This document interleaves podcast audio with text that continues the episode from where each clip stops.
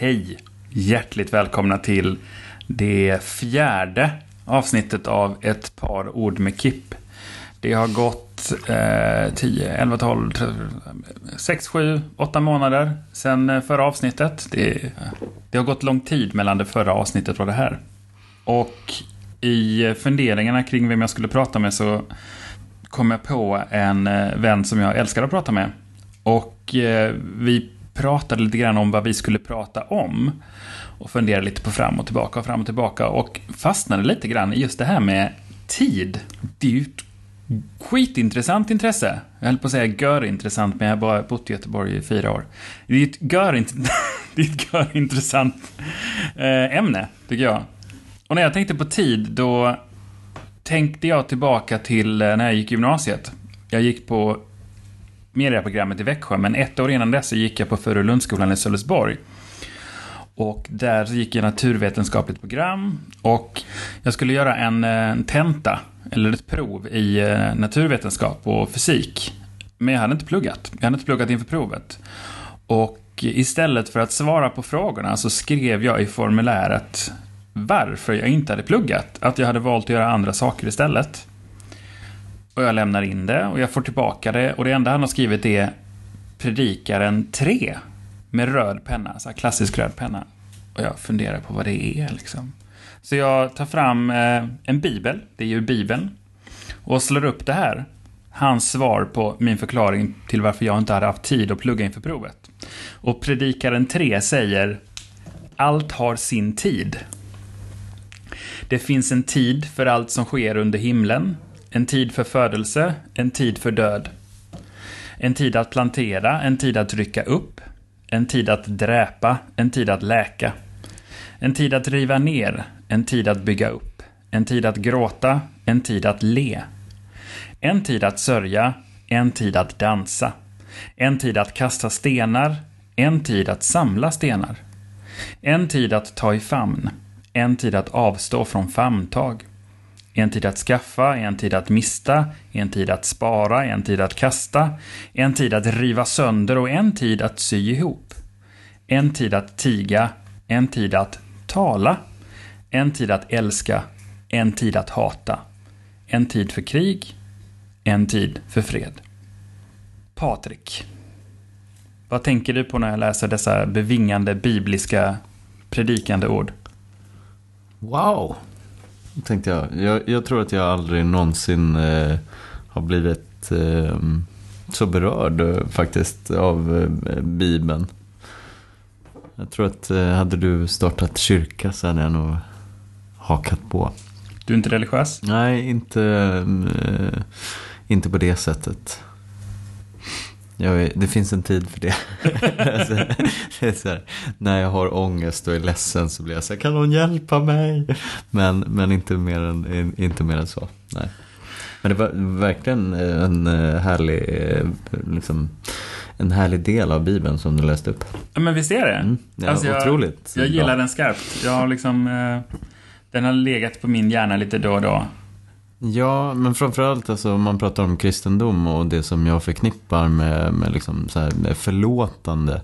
Alltså, eh, jag, som jag relaterar, som jag, när du läste den, vad jag tänker på är ju att eh, det här med att det finns en tid för varje människa att vara olika. Alltså det finns en tid då jag är krig och det finns en tid när jag är fred och det finns en tid då jag är, är liksom ja, men så positiv, negativ. Alltså jag gör rätt, jag gör fel. Jag gör, alltså det, det fanns väldigt många sådana motsatsförhållanden som jag tycker eh, som jag slåss med i mitt eget liv. Alltså att jag är, eh, blir eh, ledsen på mig själv för att jag blir arg för någonting. Liksom, eller, eh, och, och sådär. Men att det finns en tid för när jag inte är sån är ju jättevackert. Alltså, ju, ja, mm. I tid så är jag just nu eh, lugn. Mm. Vilket... Ja, vad eh, skönt. Ja, visst är det skönt? Ja, gud vad skönt. Vilket jag till stor del idag tror beror på var vi befinner oss. Eh, vi befinner oss i din stuga. Mm. I en röd enplansstuga med en mysig vind. Med vita knutar. Uppe på en kullvägg. En bergsknall. Ja, Vi är ju ungefär 300 meter från Gullmarsfjorden. Vi har ett litet berg bakom oss och vi är mitt i skogen i ett... Alltså det jag skulle, tittar man på Google Maps över var vi bor så är det ju som att någon bara har liksom röjt ner en bit av mitt i skogen och ställt ett hus. Det är ungefär så det känns faktiskt. Ja, och så är det ju. Ja, det, det är ju så. Nu har jag inte hållit, uh, hunnit. Jag har ju faktiskt inte hunnit hållit efter vägen. Så den är ju uh, as cool att köra upp för just nu. För att det är bara som att det liksom sticker över en djungel som man måste liksom penetrera med bilen. Så vi befinner oss en bra bit upp på västkusten. Ja, eh, Lysekils kommun. Eh, ett litet samhälle. Eh, Torgestad. Torgestad. Ja. Jag tänkte på en grej som jag eh, bad dig tänka på inför programmet. Som jag gillar att återkomma till. Inte för att det är tid, utan för jag gillar, gillar det hos alla människor. Första minnet. Mm. Vad är den första saken du minns? Ja, det här är- tror jag eh, är en av de första sakerna jag minns. Sen är det svårt att kronologiskt ordna sina minnen, men jag tror att det här är mitt första minne. För jag går runt i lägenheten hos min dagmamma och letar febrilt efter ett litet flygplan som jag har fått till ett Kinderägg eh, och som är mig väldigt, väldigt kärt. Och jag letar och jag letar och jag letar och till slut, efter idogt letande, så hittar jag det i min hand. Och så tänker jag, oj vad dumt. Jag har ju haft det i handen hela tiden. Det är ett av mina första minnen. Eh, Jag var nog två, kanske tre, eller något. Jag vet inte. Jag har ingen uppfattning om hur gammal jag var egentligen. Jag bara drog till med något. Men, men, eh, men det, Vad härligt. Vet du om du har kvar det där flygplanet någonstans? det har jag inte. Det, det finns inte kvar. Du jobbar som brandman Mm. i Göteborgs stad. Mm. Varför det? Eh, Alltså varför är du brandman? Ja, det, det vet jag inte riktigt. Eller det vet jag exakt. Men jag har ju aldrig drömt om att, eh, om att bli brandman. Det var ju inte någon så här livsdröm överhuvudtaget. Men när jag eh, när, vi var, när vi var unga och friska och fräscha så gjorde ju Jonas, vår gemensamma kompis, han gjorde ju lumpen som räddningsman. Och eh, ända sedan han gjorde det så har han tjatat på mig. Ja men du, du ska bli brandman och det kommer vara ett perfekt yrke för dig. Och eh, liksom, jag vet vad du ska bli. Liksom. Han har ju matat mig med detta. Han har matat att jag ska bli lärare i 15 år. Ja, och sen så har ju jag, jag har ju tagit det lite som en förolämpning. Alltså typ som att jag så här, rent intellektuellt inte duger till att bli någonting mer än brandman. Så jag var ju så här, men brandman det är ju sån här, det är ett äh, bröta och stöka yrke liksom. Det är ju ingen, så här, det, det är ju inte där jag ser mig själv liksom. Eh, men sen så, och sen ville jag bli skådespelare ganska länge och jag pluggade det lite grann och sådär. Och när jag kom ur det så jobbade jag i restaurang och det har jag också alltid gjort i princip. Eh, så genomgick jag någon form av livskris där jag bara kände att jag det liksom Fan, jag är 25 år gammal, jag vet inte vad jag är på väg, jag vet inte vad jag ska, jag har inte hunnit det jag trodde att jag skulle ha hunnit, jag är inte där jag vill vara liksom. Sen så eh, satte jag mig ner och så eh, skrev jag ner alla yrken som jag kunde tänka mig och sen så började jag googla om dem och eh, skrev plus och minus och tog reda på och gjorde en research helt enkelt och skrev fördelar och nackdelar. Och i slutändan så eh, vad jag kunde läsa mig till så hade jag mest fördelar och minst eh, nackdelar på brandman. Så får vi se, jag utvärderar första terminen och sen så när jag hade gjort första terminen så fanns det ingen återvändo. Då var det, Eh, det var ju fantastiskt roligt liksom. Jag trivdes jätte, jättebra. Jag, det kändes ju lite som att hitta hem liksom. Även om jag hade mycket att jobba på så kändes det som att jag hittade hem med själva grejen liksom. Ehm, så. så att därför blev jag brandman. Helt enkelt. För att Jonas tjatade. Nej, men jag gjorde också lite research. Men, men det, det fanns med ens på listan för att han hade pratat så gott om det och eh, tyckte att jag skulle passa som det. Ett av dina stora fritidsintressen långt före den här stugan har ju varit cyklar. Mm. Berätta om cyklar. Ja, när jag pluggade till brandman så var jag inte alls eh, på något sätt i, jag hade inte den konditionen som krävdes för att komma in på mm, och få jobb. Liksom. Och framförallt det jag låg mest efter också var löpningen. Och det är ju inte bara kondition, det handlar ju också om teknik och sådär. Eh, men jag hade liksom inte sprungit mer än två kilometer någonsin i hela mitt liv. Alltså jag har tränat och jag har gjort grejer och jag var inte på något sätt helt off. Men just med löpning och konditionsbiten, ah, nej, där var jag verkligen inte hemma. Eh, så det resulterade i att jag fick någon slags panik. Så jag sprang sex dagar i veckan. Och jag hade ingen teknik och ingen koll och inte bra skor och ingen aning. Första gången jag sprang, eh, skulle ut och springa tre kilometer var tanken. Så sprang jag liksom 500 meter som en galning. Alltså du vet så här i typ 100 meters tempo liksom. Jag har och gjort bara, samma sak. och bara kom så här 500 meter bara och höll på att dö och hatade mig själv och hatade alla människor runt omkring mig och hatade mitt liv och bara förbannade att jag någonsin eh, ens tänkte tanken att jag skulle kunna springa tre kilometer. Liksom. Och det var första gången du var ute och sprang? Ja, typ. Och så gjorde jag det där några gånger liksom. Eh, tills jag började inse så här, okej, jag kan, vänta, jag kanske springer lite snabbt här i början. Jag hade, det var ju som en blåslampa att, eh, så här, jag, det här, jag måste fixa det här, annars blir det ingenting av det här liksom. Och sen så, eh, eftersom jag sprang i dåliga skor och inte alls eh, anpassade för mig och jag sprang alldeles för mycket och jag, jag liksom lät aldrig kroppen vila så åkte jag på en benhinneinflammation. Och det tar lång tid att läka ut. Så det, jag fick en sån här prognos på att så här, men du får nog räkna med att typ vila med löpningen åtta månader. Åtta månader. Väldigt lång tid. Och alltså jag behövde klara anställningstesterna sen när jag kom ut. Liksom. Så jag hade ju två år på mig, men åtta månader på två år är rätt mycket liksom, eh, tid som mycket. förloras. Så då insåg jag att jag måste skaffa mig en annan eh, konditionsidrott. Eh, liksom. Och eh, gick och köpte mig en racercykel som var krockad. Jag var fattig student så att jag fick köpa en billig, eh, jättefin. Det är faktiskt min, fortfarande min liksom, eh, cykel som jag cyklar på idag. Eh, en av mina cyklar idag då. Men så började jag bygga ihop den och laga den och fixa och sådär. Eh, och samtidigt som jag gjorde det så blev det ju att jag satt och googlade cykeldelar och så började jag helt plötsligt började jag googla cyklar och sen så började jag fastna. Eh, och det var ju liksom en, en bra kombination av prylar och aktivitet. Jag gillar ju prylar liksom. Mm. Eh, och så började jag hitta jävligt snygga cyklar som, eh, som kallades för fixie-cyklar. Fixie-cyklar. Ja, en vanlig cykel har ju ett frihjul i. Så att när du rullar ner för en backe så kan du ju låta pedalerna vila.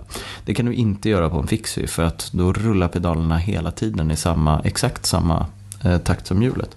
Så att det är ju alltså som en enhjuling fast med två hjul. Så du kan cykla baklänges på cykeln till exempel. Det är häftigt.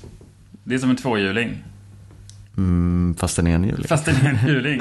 Vad är skärmen med det? Det låter ju jättejobbigt. Ja, men jag vet inte. Alltså skärmen från början var ju att det var så sjukt snygga cyklar. Och sen så... Mm, För att de inte behöver så mycket delar och grejer. Mm. Man kan hålla dem ganska klina. Ja, exakt. De, de är väldigt avskalade, liksom. Snygga racercyklar. Och... Eh, eller för det första så cyklar från början hade ju inga, alltså frihjulet är ju en uppfinning liksom. Ja. Eh, så cyklar så var ju så från början. Men, men om man skiter i det så skälet till att det kom tillbaks var att det var en massa cykelbud i New York som började cykla på det.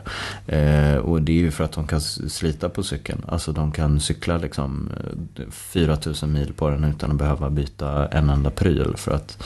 Men inga bromsbelägg, hur fan bromsar man? Genom att trampa bakåt. Mer än den trampar i full fart framåt? Ja, så får man ju liksom lära sig att vikta sig rätt på cykeln och sen så stoppa den framåtrörelsen. Och då nyper ju bakhjulet. Så att då har du ju full broms på bakhjulet sen. Ja, så kom jag in på cyklar i alla fall. Och sen så har ju det varit en så fantastiskt rolig subkultur att befinna sig i. För att eh, alltså jämför, åker man på ett fixilopp till exempel. Då är det ju inte så här att det står liksom eh, 50 30 000 lyckraklädda män och flåsar med energibars liksom, eh, i någon slags start som går sex på morgonen och liksom alla bara pratar kadens och watt. Liksom. Det är så här, det är ganska ointressant. Eller så här, för mig. Eh, det är ju mycket roligare att komma till ett fixilopp där alla är typ så lite bakfulla, det är lite punk. Eh, när man kommer in för så här, eh, typ så här, ett av cykelloppen som jag har gjort eh, så, så står de med påsar längs med vägen så man kan liksom slita åt sig en sån här påse och så kan man hänga på sig den på ryggen och så finns det grejer i den. Det är en sån här klassisk gammal grej man, man kan liksom göra. Och så tittar man i påsen och i den påsen är det ett äpple, eh, en liten en sån här flygvodkaflaska med en cigg gum, gum, eh, med gummiband runt, liksom, eh, en liten eh, vet du, tändstickor för att tända ciggen, en Red Bull och, ja, men du vet, så här, och, och någon sån bar, liksom, om man då kände för det. Liksom.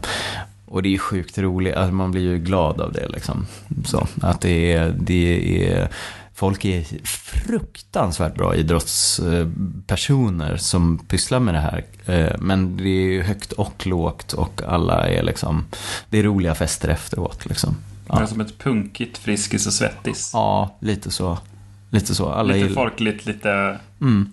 Det, och det är det som har hållit mig fast ganska mycket. För jag är inte så jävla... Jag är mycket... Jag gillar... Eller jag har kommit på det mer och mer under åren nu som har gått. Att jag jag älskar att cykla, men jag är inte den som liksom bara mitt i veckan så här bara, nej, vet ni, nu drar jag ut tre timmar här själv och bara kör liksom.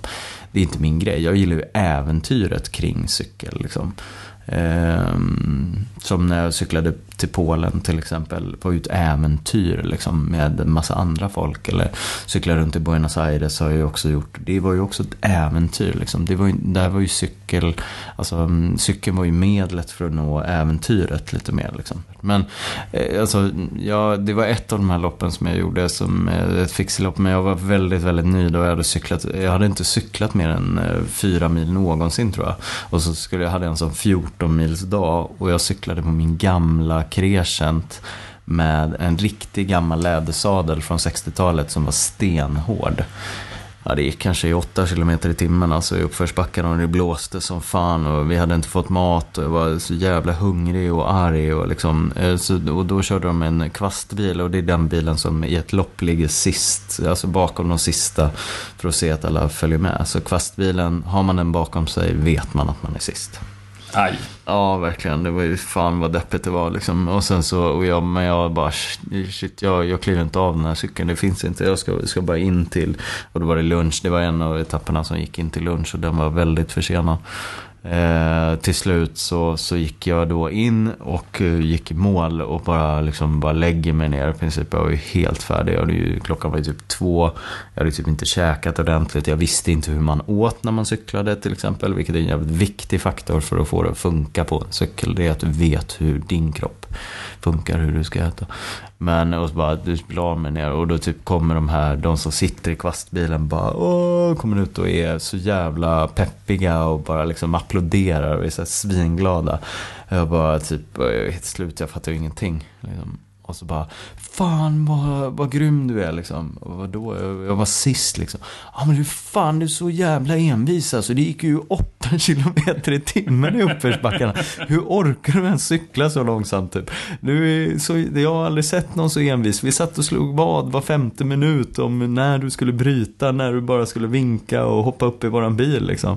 Och det var ingen som trodde att du skulle gå in i den här etappen i mål liksom. Och då blev man ju ändå väldigt glad liksom att de hade sett hur mycket man slet och, och att man ändå fick cred för det. Liksom. Så de hade ju suttit och, och liksom hejat och eh, liksom varit så här, ah, nu, nu är det nära, nu är det nära och så här, ah, jag kommer vinna och så här, åh han klarar det, åh, liksom. Och så, de var ju samtidigt som de trodde jag skulle misslyckas så var de ju glada att jag inte gjorde det.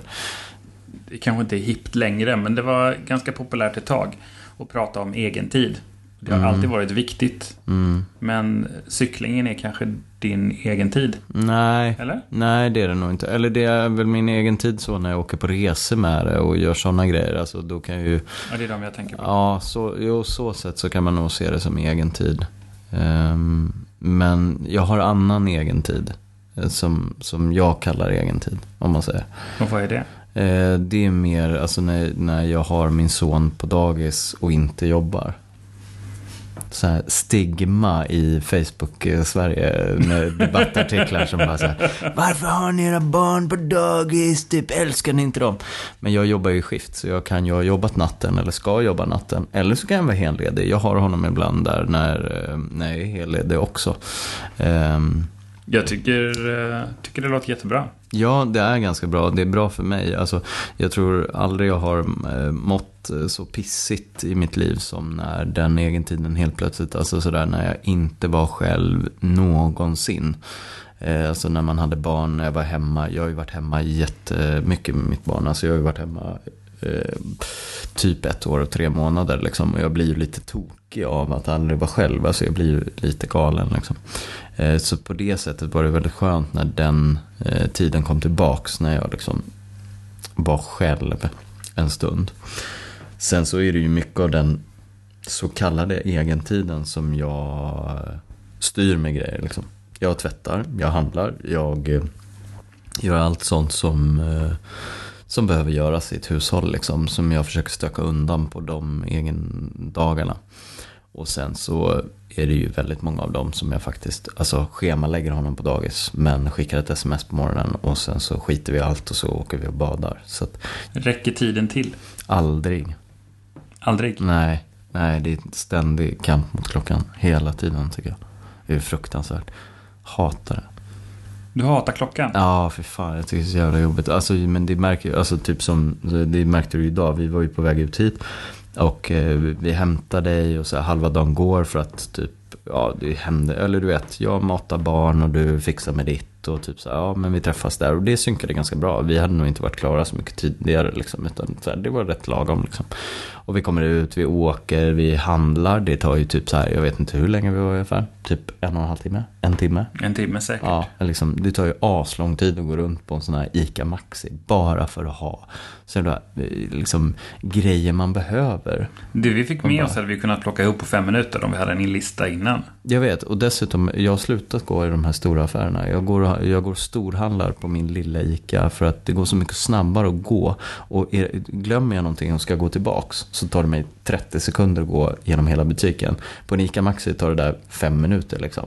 Så jag har slutat gå på ICA Maxi för att det slutar alltid med att jag är där i två och en halv timme liksom. För glömmer man mjölet då får man gå tillbaka ända till mjölvägen. Det ja. var ganska bra ICA Maxi för de hade lite genvägar men vissa är ju så här IKEA-byggda så man måste gå genom alla avdelningar så man ska uppleva ja. dem. Ja, och så glömmer man bort, ja ah, just det, jag skulle ha ett Lypsyl. Och det är i början på sminkavdelningen där.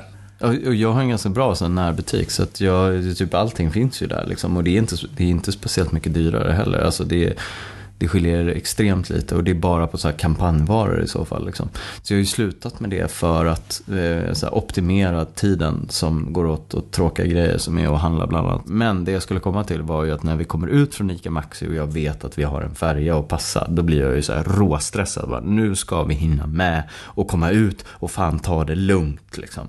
Vi ska ut och bara stressa av där ute. Så nu jävla sätter vi oss i bilen och skyndar oss. Till färjan? Till färjan, för nu, nu är det stressigt. Nu ska vi bara ut. Och alltså det, det är inte bara färjan liksom. Så där kan jag bli även om jag kör runt och skiter i färjan. Liksom. Bara, nej, nu, nu jävlar. Nu hela familjen ska bara stressa, sätta oss i bilen. Vi ska stressa sönder oss för att komma ut och ta det lugnt. Och det är en jävla rolig paradox. Det är en sån här gammal känd paradox, men, men jag kan känna av den. Liksom.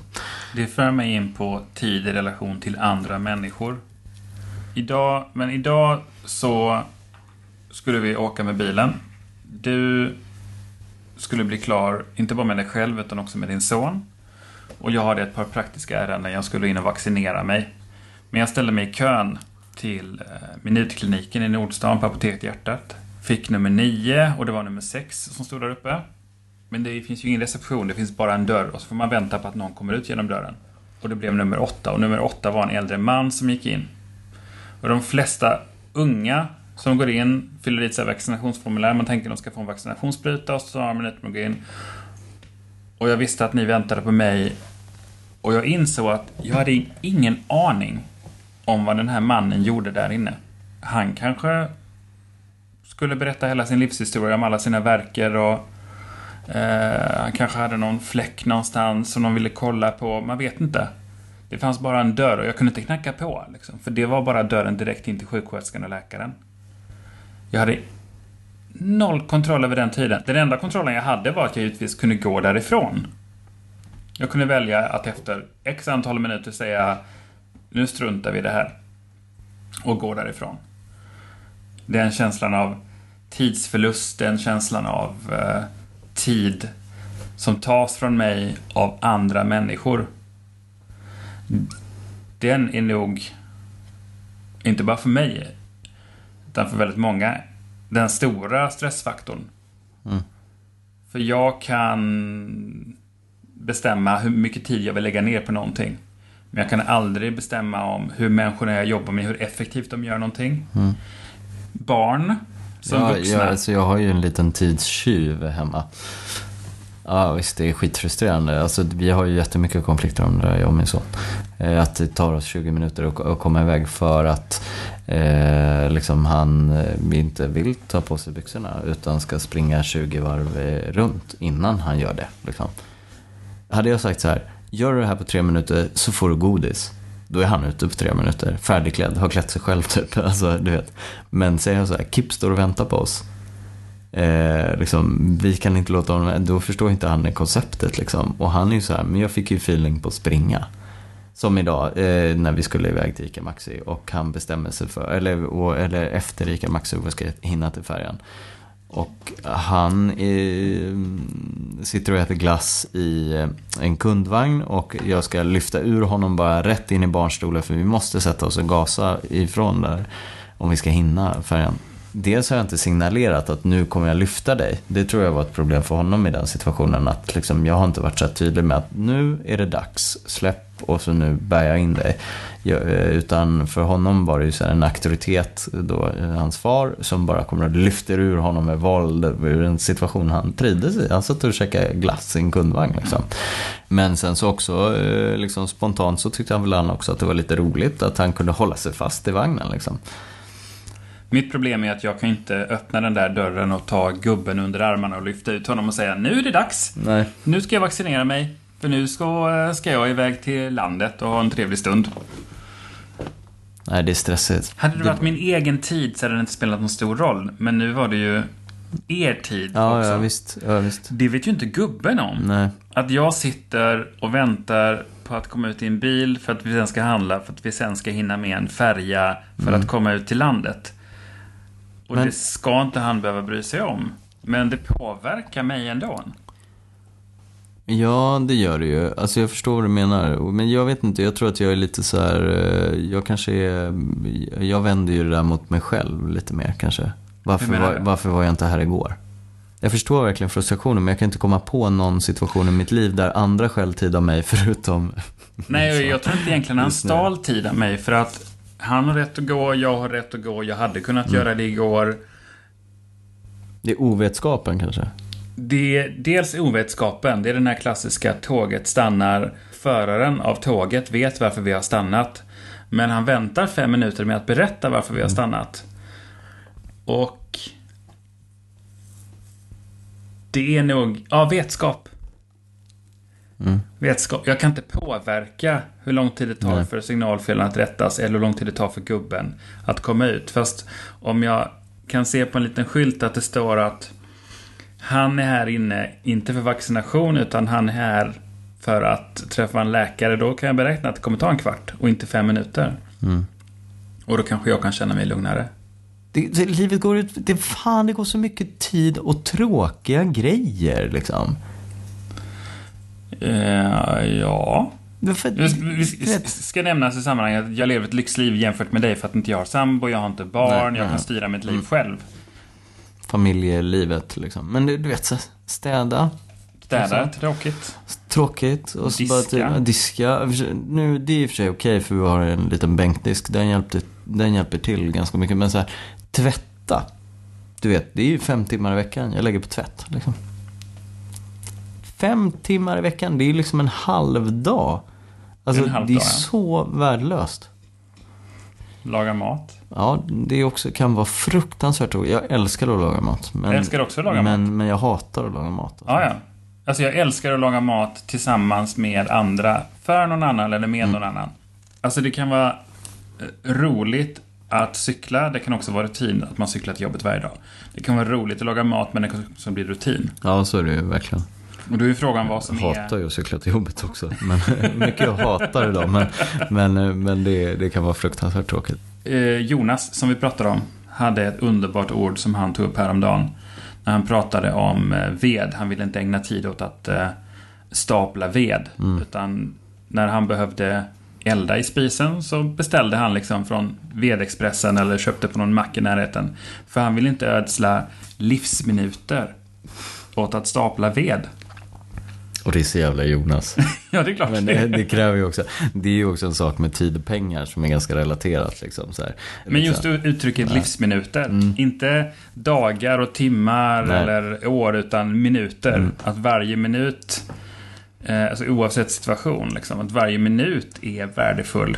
Så varje minut man kan få ägna åt vänner istället för disk. Ja ja, är mer värt. Ja, absolut. Jag har tänkt på det ganska mycket. Att alltså, tid och pengar hör ju ihop. Alltså, skulle man kunna leja bort allting som var tråkigt så skulle man ju ha mycket mer utrymme eh, för att göra roliga grejer.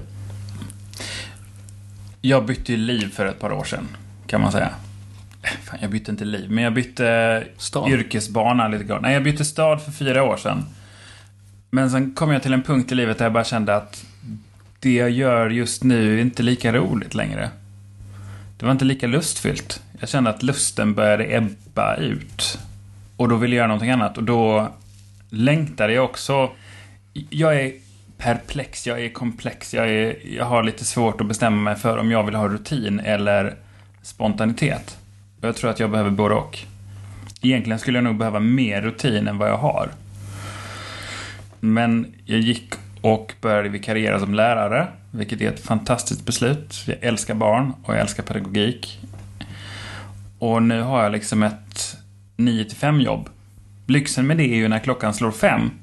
Då går jag hem och släpper jobbet. Och jag vet att väldigt många har jobb där de inte kan släppa. Man tar med sig jobbet hem i tankarna. Vissa tar fysiskt med sig jobbet hem det ligger alltid en massa saker på en. Att man ska göra mer och man kan alltid göra mer och man blir aldrig klar med det man gör. För några år sedan så tröttnade jag på det också. eller Jag tröttnade på att stressa mig genom livet. Och tog ett aktivt beslut att jag skulle sluta göra saker perfekt och bäst. Och superduper mega jättemycket. Du vet, vi har ju suttit uppe hela nätter och jobbat med kongresser och möten och jobbat med elevers rättigheter och vi har jobbat med galor och invigningar och utställningar och alla möjliga galenskaper in på småtimmarna. Och man blir aldrig klar. Tiden räcker ju aldrig till därför att viljan och drömmen och visionen är alltid större än tiden. Så jag bestämde mig för att vända på det och säga att tiden får sätta ramarna. När klockan blir X, då slutar jag jobba. Då är jag klar vare sig jag är klar eller inte så får jag vara klar. Jag kan inte säga att jag är bäst på det än och eh, jag är väldigt tacksam för de människor runt omkring mig när jag jobbar som säger till mig att du nu är klockan X, klockan är 22, nu går vi hem. Ja, men vi ska ju bara, nej men nu går vi hem. Så är det, sluta jobba, sluta tjata. Så även om jag är boss på ett evenemang så har jag underbara människor som skiter i att jag är boss. Mm. Och säger du, klockan är nio, nu går du hem. Okej. Okay. Och så går man hem. Mm. Och så blir det skitbra ändå. Jag kallar det för good enough.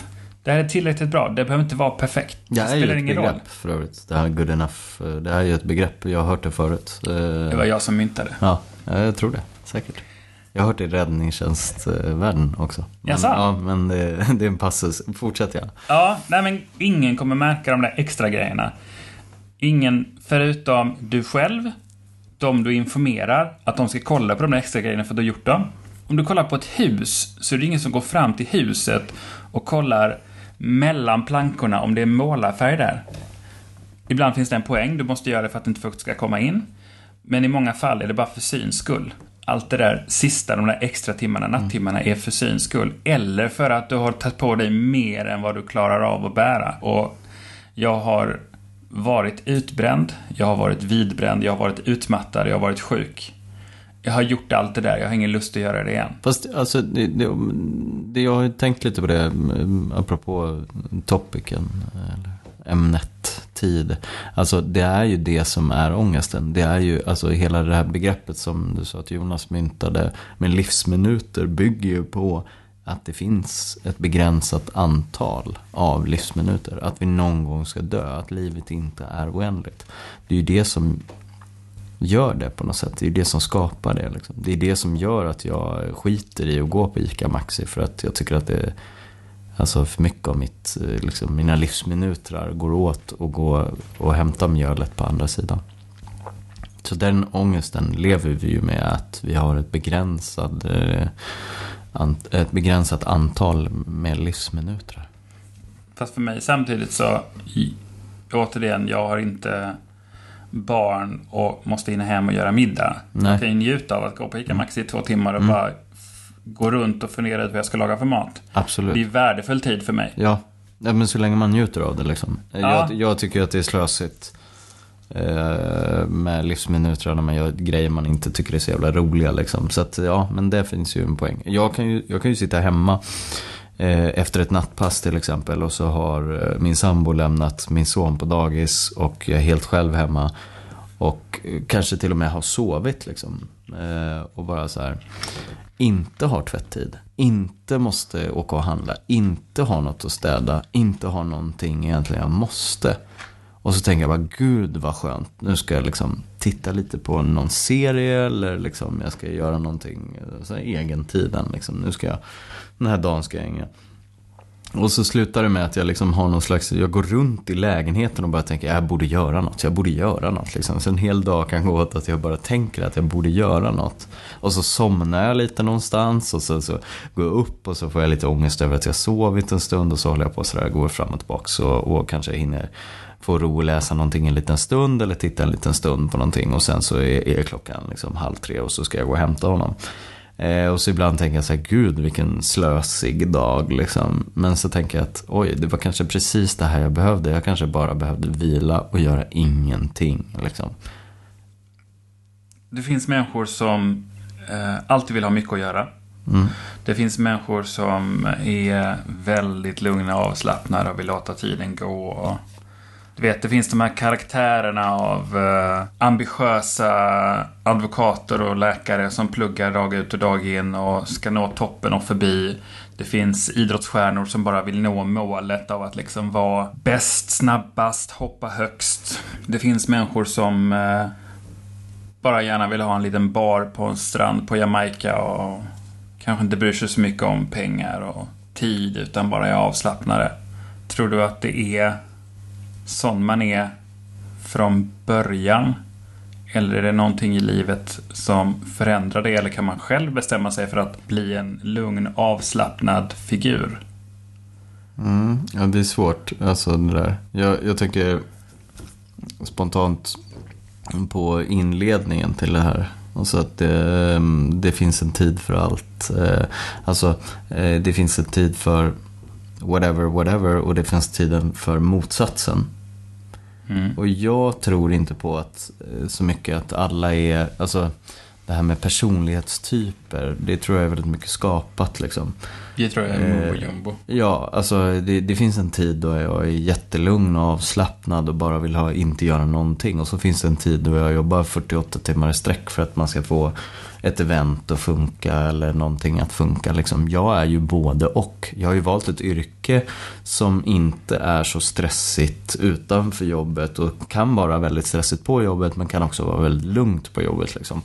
Alltså det finns en tid för allt. Liksom. Jag tror att det handlar om tillfälligheter i livet. Alltså, eh, får man chansen att veta att du är eh, den liksom, nioåring som hoppar högst i hela Sverige. Liksom Säger vi. Och då, jag tror att det driver en framåt till att fortsätta och fortsätta och fortsätta. Alltså för att man får en gnista på, ett, på någonting som man tycker är roligt. Liksom. Men jag, jag tror att det där gäller alla. För jag hade ju jag hade verkligen kunnat vara liksom, alltså någon företagsnisse. Sitta och chefa och styra något stort företag. Liksom. Jag, jag älskar ju när det, man har svin mycket bollar i luften och tar snabba beslut och bara bara liksom styra skeppet i hamn. Liksom. Jag älskar ju den typen av, av, eh, av utmaningar. Men jag har ju valt ett, ett liksom liv som inte är så. Alltså, jag tror att det finns en, en tid för allt. Men sen så tror jag i och för sig att har man gått för länge, alltså jag tror att alltså, har man varit liksom i hetluften i 20 år,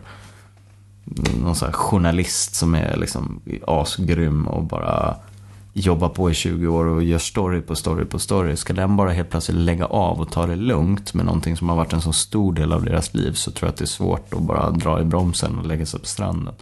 Jag tror att man alltid, man är så inne i det levnadssättet liksom.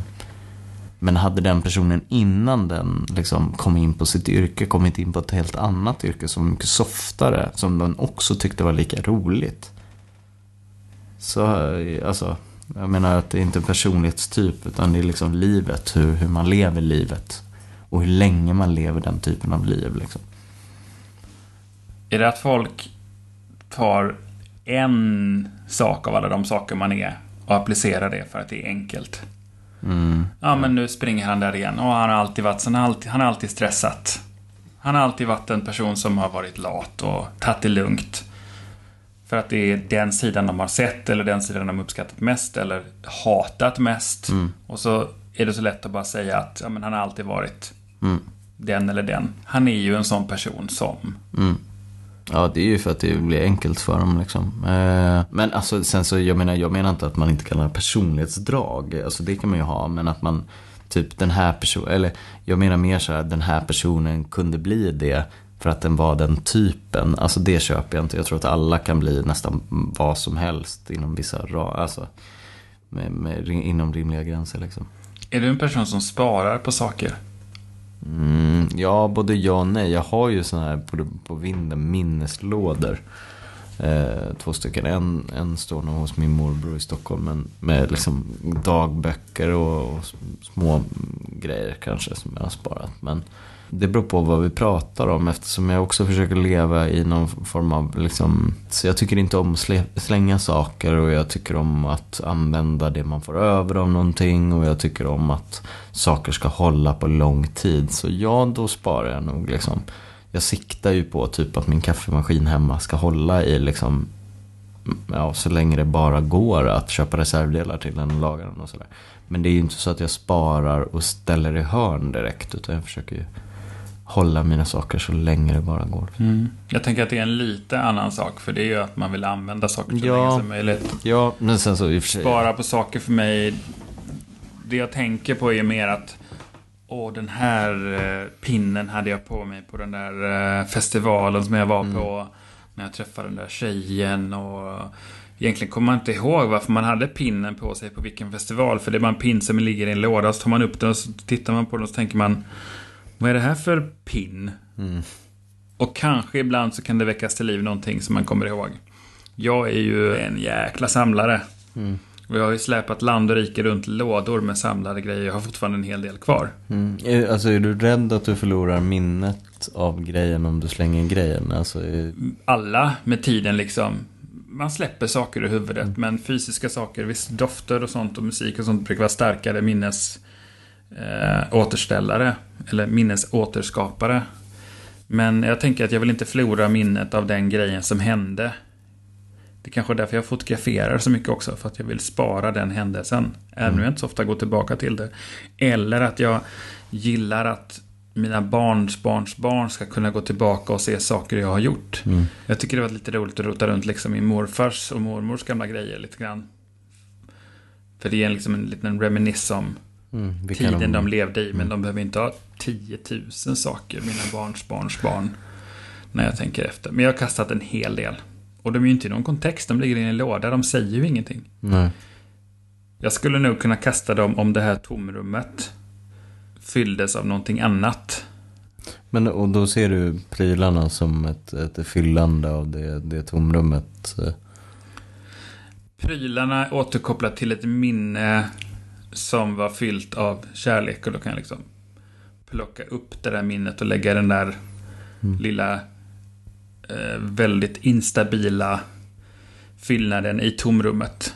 För att det är ju inte som att jag plockar upp de här grejerna hela tiden. Men jag kanske tänker att de är det. Om jag förlorar den grejen så förlorar jag en eventuell koppling som skulle kunna fylla en liten del av tomrummet. Mm. Kanske. Det här är bara en eftertanke som jag... Men du gör det väldigt, väldigt sällan, plockar upp grejerna. Och Typ aldrig. Nej. De ligger ju bara där. Ja. Men Då fyller du ju inte tomrummet, då är du ju bara rädd Precis. att... Ja. tomrummet är fyllt av en idé om vad det skulle kunna fyllas av. Mm. Och hade jag gjort mig av med dem så skulle jag inte ens haft en idé om vad jag skulle kunna fylla tomrummet av utan bara ha ett tomrum. Mm. Vilket kanske hade varit okej för att nu är tomrummet fyllt av en massa idéer om vad det skulle kunna fyllas av och då blir det svårt att fylla det med någonting nytt. För det upplevs redan som fullt. Jag tycker att den här tiden nu ikväll har varit värdefull och underbar tid. Mm, absolut. Ett roligt, eh, roligt sätt att prata på. Jag har eh, 1100 vänner på Facebook så att eh, det blir ett avsnitt i veckan gånger 1100 veckor. Hur många år blir det? Ja, ja okej. Ja, ja, du tänker så att Jag kan är säga ett- att jag har 1200 veckor. Mm. Eller 1200 vänner. Många, Nej, det hur, blir bara jobbigare. Tänker jag månader. hur många timmar är det? Jag tänkte månader. Åh gud, jag är alldeles trött. Jag är alldeles för sent. Och eh, berätta inte det här för mina eh, matteelever. Tack för ikväll. Ja, tack för att du kom hit Kip. Ses snart.